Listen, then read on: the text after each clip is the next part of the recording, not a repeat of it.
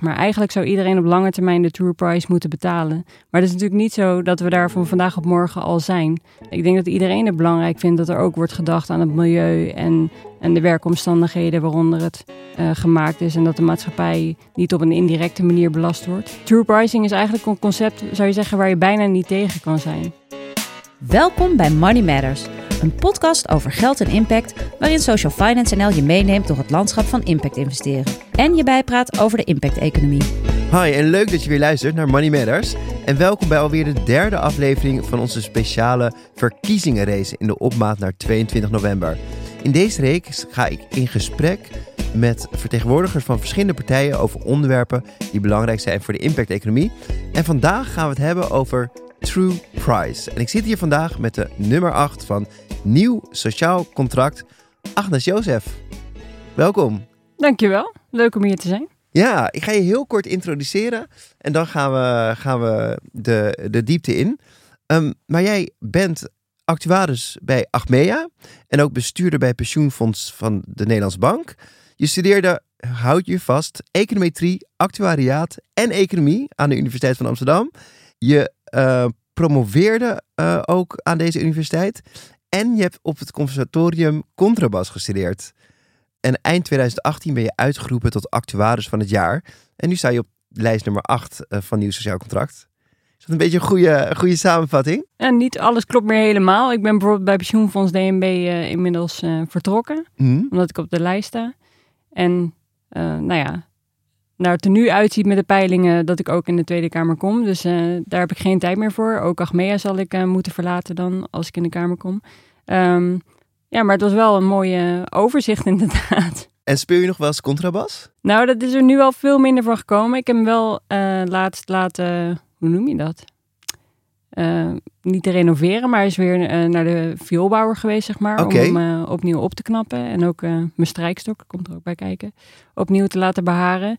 Uh, want ik zou wel graag weer wat meer willen gaan spelen, inderdaad. Dus wie weet in de Kamer met, uh, met andere Kamerleden een, een, klein orkest. Ja, ik heb wel gezien dat er behoorlijk wat kandidaten ook houden voor klassieke muziek. Daar ben ik uh, meer in thuis, zeg maar. Ja.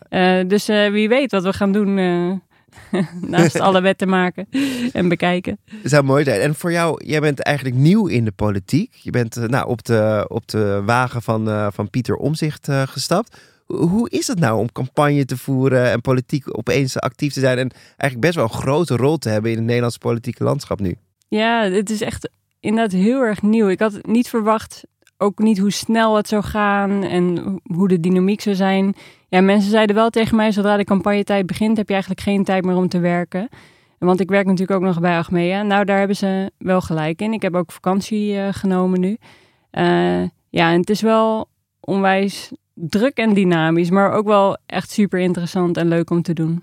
Kijk, en, en jij bent een super specialist als het gaat om pensioenen. Volgens mij ben je in Nederland een van de mensen die het, het pensioenstelsel het beste snapt en ook het stelsel waar we naartoe gaan.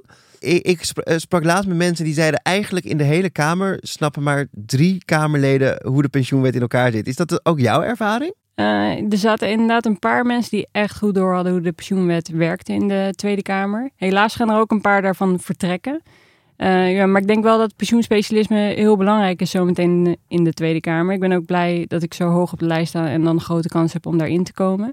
Ja, want er is net een nieuwe pensioenwet ingegaan. Daar gaat deze podcast natuurlijk niet over, maar net een nieuwe pensioenwet ingegaan. En wij hopen hem nog iets te verbeteren. En ik denk ook dat we wat reparatiewetgeving moeten doen, omdat de praktijk toch altijd anders blijkt dan je van tevoren hebt gedacht. Uh, en daar hebben we wel wat specialisten nodig. En ik ben benieuwd welke er in de Tweede Kamer komen. En ik zie er ook naar uit om met ze samen te werken om die pensioenwet in ieder geval ook te verbeteren. Ja, nou goed om te weten dat iemand met zoveel verstand in ieder geval uh, uh, nadenkt over, over ons pensioen. Ik zou bijna willen zeggen, dat hoeven we het zelf niet meer te doen. Maar dat is natuurlijk helemaal niet maar waar. Um, ja, vandaag gaan we het hebben over uh, True Price en natuurlijk de, de visie van uh, nieuw sociaal contract uh, hierop. Ik zal kort aangeven wat ik met True Price bedoel, maar misschien dat jij er helemaal anders in zit. Maar wat ons betreft gaat het over de echte prijs van alles wat je kunt kopen. Um, en je telt dan verborgen kosten voor milieu, dier en mens daarin mee. Um, en verborgen kosten gaan bijvoorbeeld ook over de prijs van het herstel van milieuschade, maatregelen tegen droogte of wateroverlast. Maar het kan ook gaan over de warekosten van arbeid die nodig is om een product eerlijk te, te produceren. Ehm, en dat is dan ook de vraag: wat moet het nieuwe kabinet doen om uh, True Price te stimuleren? Ehm, en um, voordat we met elkaar in gesprek gaan, uh, zijn gegaan, heb ik Michel Scholte een aantal vragen gesteld. Michel Schult Scholte is uh, directeur van het Impact Institute en ook de True Price Foundation.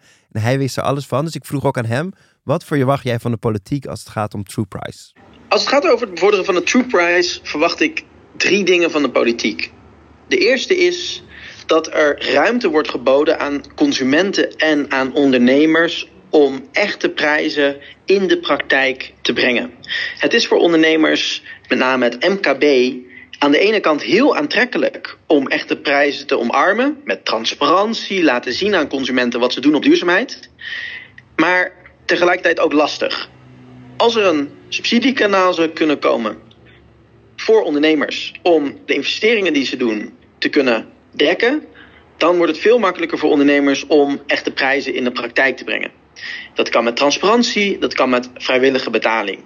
Het tweede is dat we zouden willen dat de True Price standaard, die al ontwikkeld is, dat die ook veel meer wordt uitgedragen door verschillende bewindspersonen, bijvoorbeeld van LNV, van EZK, maar ook van buitenlandse zaken, handel of van infrastructuur en milieu. Dat zij die echte prijsmethode gebruiken in de beleidsinstrumenten, maar ook uitdragen en ook Europees proberen te harmoniseren. Dat ze bij de Europese Commissie, bijvoorbeeld binnen de Farm-to-Fork strategie in het landbouwstelsel, echte prijsmethode, de True Price standaard, inbrengen en proberen hun Europese collega's erachter te krijgen, zodat er een eerlijk speelveld komt voor die producten die wel de maatschappelijke en milieukosten meenemen in de uh, productie. En tot slot, als derde, inkopen op basis van echte prijzen.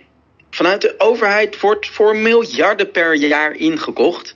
En daarmee sturen ze de economie een bepaalde kant op. Tragischerwijs is het nu zo dat er voornamelijk gestuurd wordt op de goedkoopste aanbieder, de laagste prijs. Als de overheid nou echt de prijzen zou gaan meenemen in de inkoop, dan wordt er een prikkel gegeven aan de markt om, zeg voor een bouwbedrijf, de maatschappelijke en milieukosten mee te nemen in de offerte.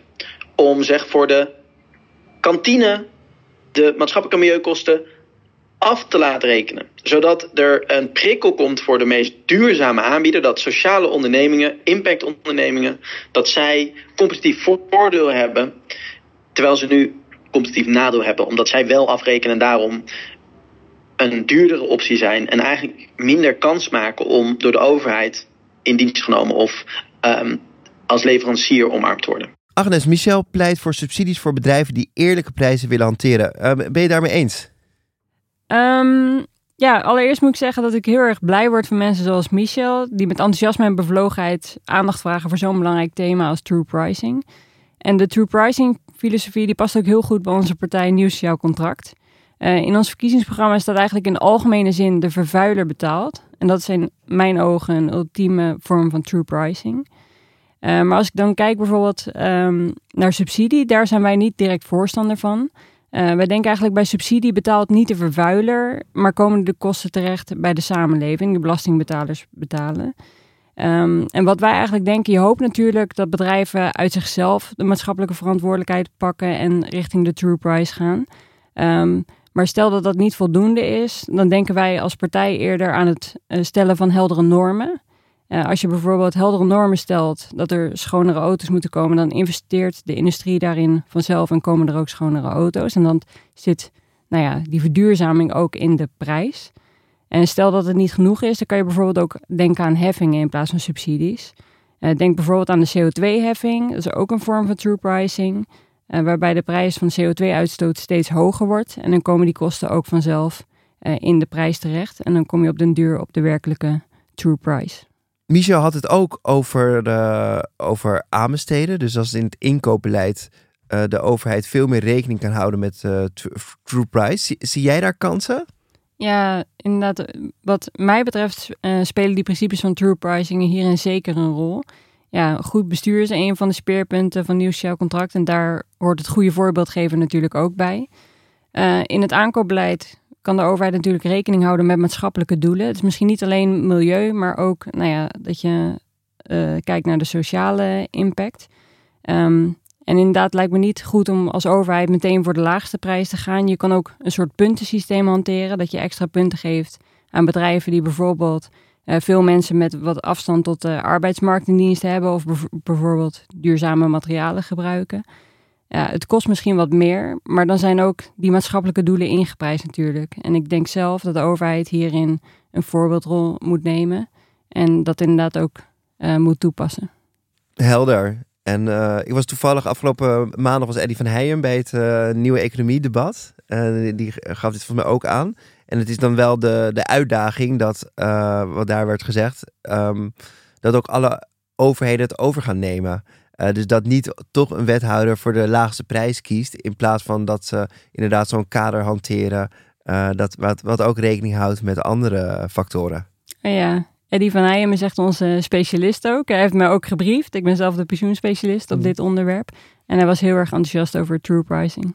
Nou, dat is goed om, goed om te horen. En hoe zorgen we dan voor, voor meer transparantie voor de consument als het gaat om welke producten eerlijk geprijsd zijn? Hoe kan je ervoor zorgen dat, uh, nou, dat een consument die misschien wel de eerlijke prijs wil betalen, maar er ook de gelegenheid toe krijgt? Um, ja, ik denk eigenlijk um, nou, waar misschien Michel Scholt een voorbeeld van is en wat hij ook aanhaalt, is dat we kunnen beginnen natuurlijk, bedrijven kunnen beginnen om de true price zichtbaar te maken voor de consument. Ik heb gezien uh, dat er al verschillende initiatieven zijn die dat proberen en ook winkels.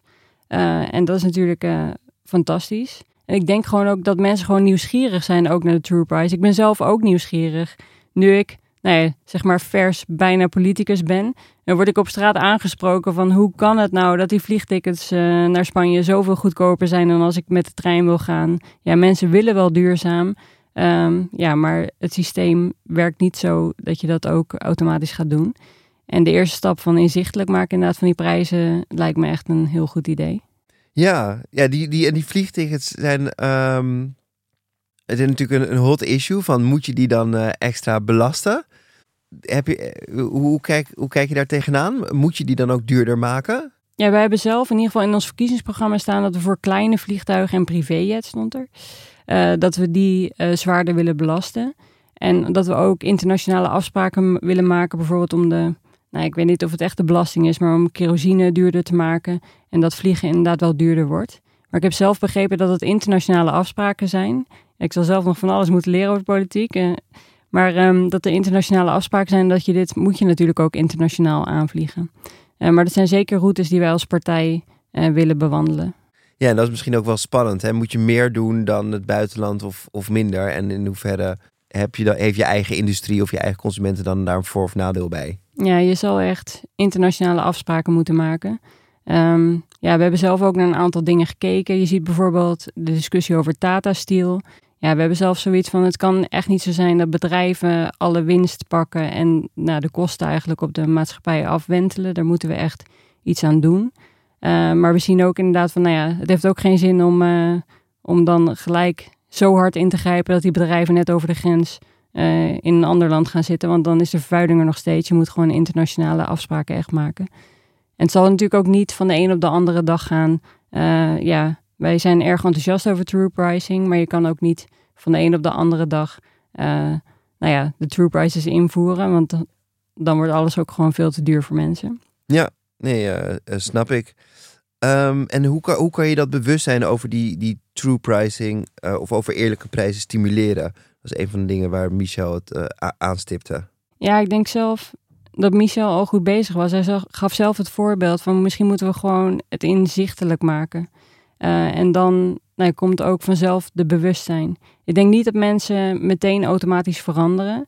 Uh, nou ja, een van onze speerpunten en waar Pieter ook lang mee bezig is geweest met bestaanszekerheid. Er zitten gewoon veel mensen in de knel en die proberen gewoon, die moeten gewoon rondkomen, zeg maar, elke maand.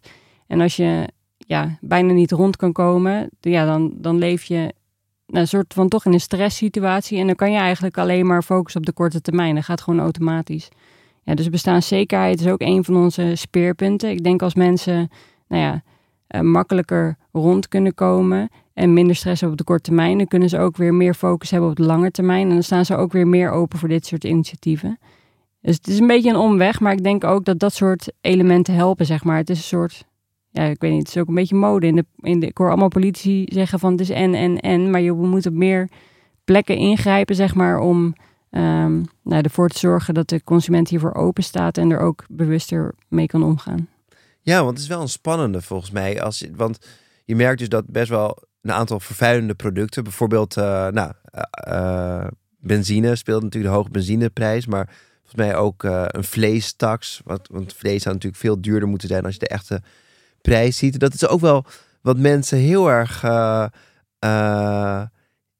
heel erg vervelend vinden als dat heel veel duurder worden. Zeker ook denk ik een groot deel van de achterban van nieuw sociaal contract. Dus daar zit wel een bepaalde spanning van wat, wat wij misschien wel denken van hey, het is logisch om dat te, te beprijzen vanuit een economisch perspectief.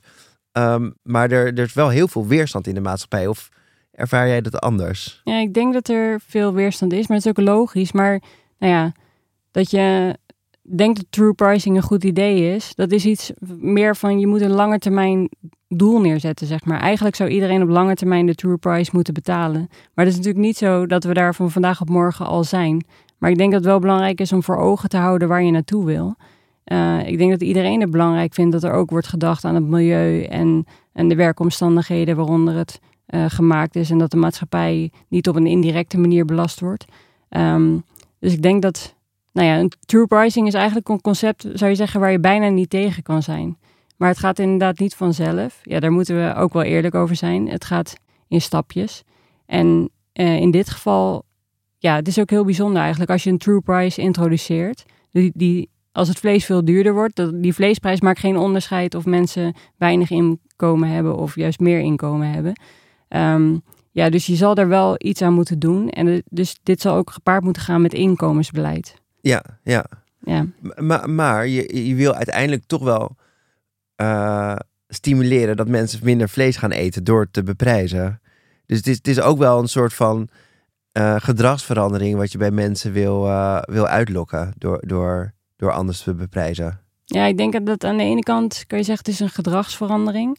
ik denk dat mensen die, die nou ja, geld genoeg hebben, zeg maar, ook werkelijk wel veel meer biologische producten kopen. En, en gaan kopen, zeker als er ook nog de true price echt bekend wordt. Ja. Um, ja, maar ik zie wel ook dat het ook niet vanzelf gaat. Ik werk, kom zelf uit de pensioensector. Ja, dat is mijn, uh, zeg maar even specialiteit. En ik zie ook in de pensioensector hebben we zo'nzelfde soort discussie, zeg maar. We proberen ook, we zeggen van, hé, hey, mensen bouwen niet vanzelf pensioen op. En dan zeggen we van, oh, we willen ze bewust maken dat pensioen belangrijk is. Mm en vervolgens vertel je dat. En mensen weten wel dat het belangrijk is om op tijd te beginnen met je pensioenopbouw en dergelijke. Maar vervolgens doen ze het toch niet. Nee. Ja. Mensen, nou ja, krijg je niet automatisch in beweging. Dus transparantie zal uh, wel helpen met het bewustzijn. Ja, maar net als in de pensioensector zal het misschien niet genoeg zijn uh, om, nou ja, meteen de hele maatschappij te veranderen. We moeten natuurlijk wel en de mensen thuis, maar ook uh, de bedrijven en iedereen moet zijn verantwoordelijkheid pakken. Um, ja, maar uiteindelijk moeten we misschien ook met de overheid daar een beetje helpen om de bedrijven uh, ook duurzamer te maken, dat ook de werkelijke true price in de producten komt. Want hoe kan, je de, hoe kan de overheid bedrijven nog meer stimuleren om, uh, om maatschappelijke en ecologische impact mee te nemen in de prijs? Ja, zoals we net zeiden eigenlijk, um, ik weet niet, wij hebben dus opgeschreven van de vervuiler uh, betaald. Uh, en we hebben dus met name in gedachten, als de bedrijven het niet zelf doen, we denken dat ook in het belang is van bedrijven om wel zelf stappen te nemen. Maar als ze het niet zelf doen, dat we normeren, uh, zodat ze toch automatisch uh, duurzamere producten maken. En nou ja, dan zal de prijs mogelijk ook omhoog gaan. Dus dan komt de true price gewoon tot uiting. En als het niet snel genoeg gaat, net als bij de CO2, om heffingen op te leggen. Uh, en dan komt de true price vanzelf in het product tot uiting. Dus langzaam maar zeker zullen de prijzen denk ik meer naar de true price gaan. En dan zullen consumenten dat ook merken. Um, ja, maar dan moeten we wel ervoor zorgen dat het wel voor iedereen beschikbaar en betaalbaar blijft. Ja, en mag je dan ook af en toe een stapje meer doen dan uh, de omringende landen, wat Europa eist? Of, of, of, of moet je daarbij in de maat lopen van, uh, van de rest van Europa? Nou, ik denk zelf dat we wel af en toe een stapje meer mogen doen. Iemand moet het goede voorbeeld geven. Als we allemaal achteroverleunen, dan gebeurt er Ja. natuurlijk ook niks. Eh, maar ja, je moet wel rekening houden met die internationale dimensie. Als bedrijven weggaan, ik zei het net ook al, en gewoon over de grens hetzelfde gaan doen, dan zijn we nou ja, ook niet heel veel opgeschoten.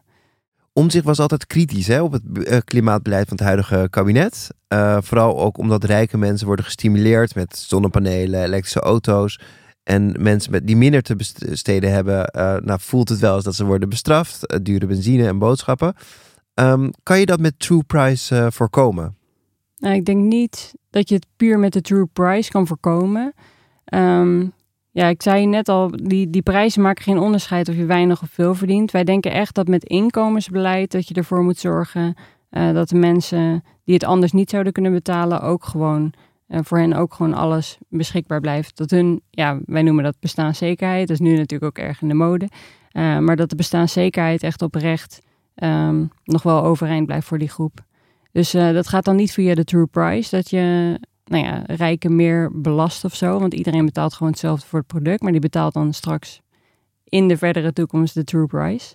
Mhm. Eh, maar met inkomensbeleid kan de overheid er natuurlijk voor zorgen dat dan wel eh, dat het gewoon voor iedereen beschikbaar is. Dus je moet eigenlijk zorgen dat mensen genoeg te besteden hebben en ook de keuzes kunnen maken op basis van troep, duurzame keuzes kunnen maken. Ehm, omdat ze dus in de supermarkt ja, dat geld hebben. Ja, maar het is niet zomaar de keuze maken tu- tussen true price, zeg maar. Ik, ik heb het liefst natuurlijk dat alle producten gewoon de true price heffen, zeg maar. Dus dat Ja. het niet meer zo is dat, dat je, ik weet niet, een citroen voor 50 cent of een citroen voor 2 euro ziet liggen. Eh, ja, eigenlijk moeten alle producten idealiter naar de true price toe. Nee, precies. Dus dan hoef je eigenlijk die keuze niet te maken als, als, de, als de schadelijke kosten van die goedkope citroen al in de prijs zitten. Want dan zijn ze waarschijnlijk alle twee 2 euro. Ja. Ja. Ja. Het is een lange termijn eh, Ja. visie en project natuurlijk, maar Over de lange termijn gesproken. Je bent natuurlijk eh eh, pensioendeskundige. Tenminste, ik noem je even pensioendeskundige. En True Price, maar ook duurzaamheid in het algemeen. Veel jongeren zijn ermee bezig. Kunnen zij ook zorgen dat, dat hun pensioen op een manier wordt belegd die past bij hun, ja, bij hun duurzame karakter? Ja, ik zie dat zeker. Dat pensioenfondsen die hebben ontzettend veel eh, kapitaal. Die hebben momenteel ongeveer 1500 miljard eh, belegd vermogen. Ja, en pensioenfondsen kunnen daarmee natuurlijk ook onwijs veel impact hebben. Ja, dus nee, ik weet niet, we hadden het net over bedrijven die kunnen wat doen. eh, nou ja, die, die eh, werkelijk spullen aan consumenten verkopen, bij van spreken. Eh, maar ook pensioenfondsen en banken kunnen natuurlijk ook daar heel veel in doen. En ik zie dat eigenlijk dat pensioenfondsen al veel stappen maken. Ehm, ja, aan de ene kant misschien ook omdat pensioenfondsen het zelf willen, maar dat komt ook natuurlijk door de maatschappelijke druk. En eh, pensioenfondsen maken daar al heel veel stappen in. En ik zie ook dat heel veel pensioenfondsen al enquêtes uitdoen naar eh, hun deelnemers, noemen we dat, de mensen die bij de pensioenfonds zijn aangesloten, eh, om te vragen nou ja, wat ze in de beleggingen belangrijk vinden. Mhm. En dat er op die manier ook al werkelijk invloed op is. Ja, maar als je nog veel meer invloed wil hebben, zou ik zeggen van ga inderdaad naar je pensioenfonds, ga naar je bank. Eh, we moeten met z'n allen doen. Ehm, nou ja, om de goede stappen te zetten en de, ja, de toekomst leefbaar te houden ook. Ja, en, en wordt dat in die nieuwe pensioenwet makkelijker om dan dat duurzame karakter in je pensioen terug te vinden of juist moeilijker? Ja, er is een nieuwe pensioenwet aangenomen en die pensioenwet maakt de pensioen veel individueler. Het duurt wel even voordat het helemaal is doorgevoerd, maar met een individueler pensioen kan je ook meer invloed hebben op je beleggingsbeleid, want we kunnen makkelijker keuzevrijheid bieden. Ja, dus ehm, ik denk niet dat het de komende paar jaar al is, maar op termijn denk ik inderdaad dat je ook makkelijker, eh, dan wat ik net zei, dat je makkelijker invloed kan hebben op beleggingsbeleid eh, van, voor jouw pensioen. Ja. Ja, ja, dus dan zorg je dat je niet alleen eh, geld hebt om je oude dag te genieten, maar ook nog een leefbare wereld waarin dat Ja, dat is natuurlijk ook belangrijk. Ja, het gaat Ja. niet alleen om geld. Dat, nou ja, daar is zeker de jongere generatie zich wel van bewust. Eh, tot slot, je bent immers eh, politicus. Ehm, Bijna, hè? bijna, bijna. Misschien. nou, je bent het wel, maar je bent nog niet gekozen. ja. Ehm, en eh, voor nummer 8 van Nieuw Sociaal Contract, een actuaris in de politiek. Waarom moeten mensen op, op jou stemmen? ja, een nieuw sociaal contract laat eigenlijk met de keuze van de kandidatenlijst, waar ik ook op sta, zeg maar, laten we zien dat we eigenlijk toch echt toe willen naar een nieuw soort politiek. Ehm, we zien eigenlijk dat er heel veel expertise uit de Kamer verdwenen is. Zoals we net zeiden, misschien waren er drie mensen die de pensioenwet echt goed begrepen in de Tweede Kamer. Maar een aantal daarvan die gaan nu weg. Die zijn niet meer verkiesbaar. Ehm, ja, maar die inhoudelijke expertise is wel heel belangrijk. Nou, en ik ben daar een voorbeeld van. Ik ben meer expert op pensioengebied, maar we hebben ook heel veel andere ehm, experts in ons, op onze kandidatenlijst en ook ervaringsdeskundigen. We komen direct uit de maatschappij. Ehm, ja, en ik heb gewoon de hoop, dit is een van de nou ja, vele ideeën en strategieën die we hebben, uh, dat dit ook kan leiden tot, uh, nou ja, tot verandering en dat we daarmee onze speerpunten, uh, goed bestuur en bestaanszekerheid, niet, niet morgen, het zal niet zo snel lukken, maar ja, wel beter kunnen waarborgen en op de lange termijn dat we die kant op gaan en helemaal tevreden zijn. Nou, super. Dankjewel. Daarmee zijn we aan het einde gekomen van deze uh, aflevering. Heel erg bedankt voor je bijdrage nog heel veel succes de komende anderhalve week met, uh, met de campagne. Bedankt de productie Daniel van der Popper van Spraakmaker Media. Redactie Daphne Sprecher en Sam Wansink. Inhoudelijk partner Cirkel, onderdeel van ABN AMRO. En kennispartners Vriendenloterij en Triumphond. En wil je niks missen van deze podcast? Abonneer je dan op Money Matters via je favoriete podcastkanaal. Dankjewel. Dankjewel.